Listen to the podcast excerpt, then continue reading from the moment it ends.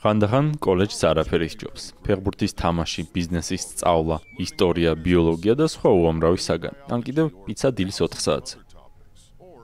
მაგრამ რატომ გახდა კოლეჯი ასეთი ძვირი?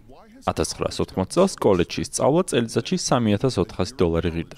ახლა კი საშუალო ღირებულება 23000 დოლარია. რაშია საქმე?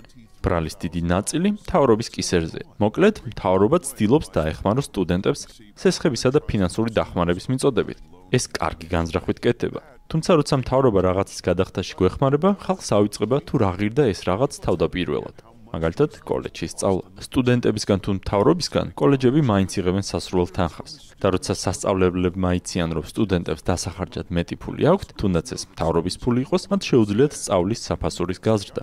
წარმოიდგინეთ პიცის რესტორანის საკოლეჯო ქალაქში. თავრობას რომ 5%-იანი პიცის ყიდვა დაესუბსიდირებინა, ამას ალბათ ყველა სიხარულით შეხვდებოდით, არა? და მოკლედ დროში ყველანი მეტი პიცის ყიდვას მოისურვებდით. მაგრამ ეს მანამ, სანამ ხელოვნურად დაბალი ფასებით გაღვივებული მაღალი მოთხოვნა არ წააქეზებდა რესტორნის მეპატრონეს პიცაზე ფასები აეწია, რადგან ეცოდინებოდა, რომ პიცის სამთავრობო დახმარებას ბევრი ადამიანი იღებდა. და ჯერ კიდევ არაფერი გვითხოვს გადასახადების გადამხდელებზე, რომლებიც იძულებული არიან პიცის სუბსიდიები იხადონ. ასე რომ შემდეგში როცა ვინმე კოლეჯის მაღალ გადასახადზე იწუწუნებს, აუხსენით თუ როგორ აზარალებს მომავალ სტუდენტებს ადრე თუ გვიან სამთავრობო პროგრამები, რომლებიც ცდილობენ სტუდენტებს კოლეჯის საფასურის დაფარვაში დაეხმარონ.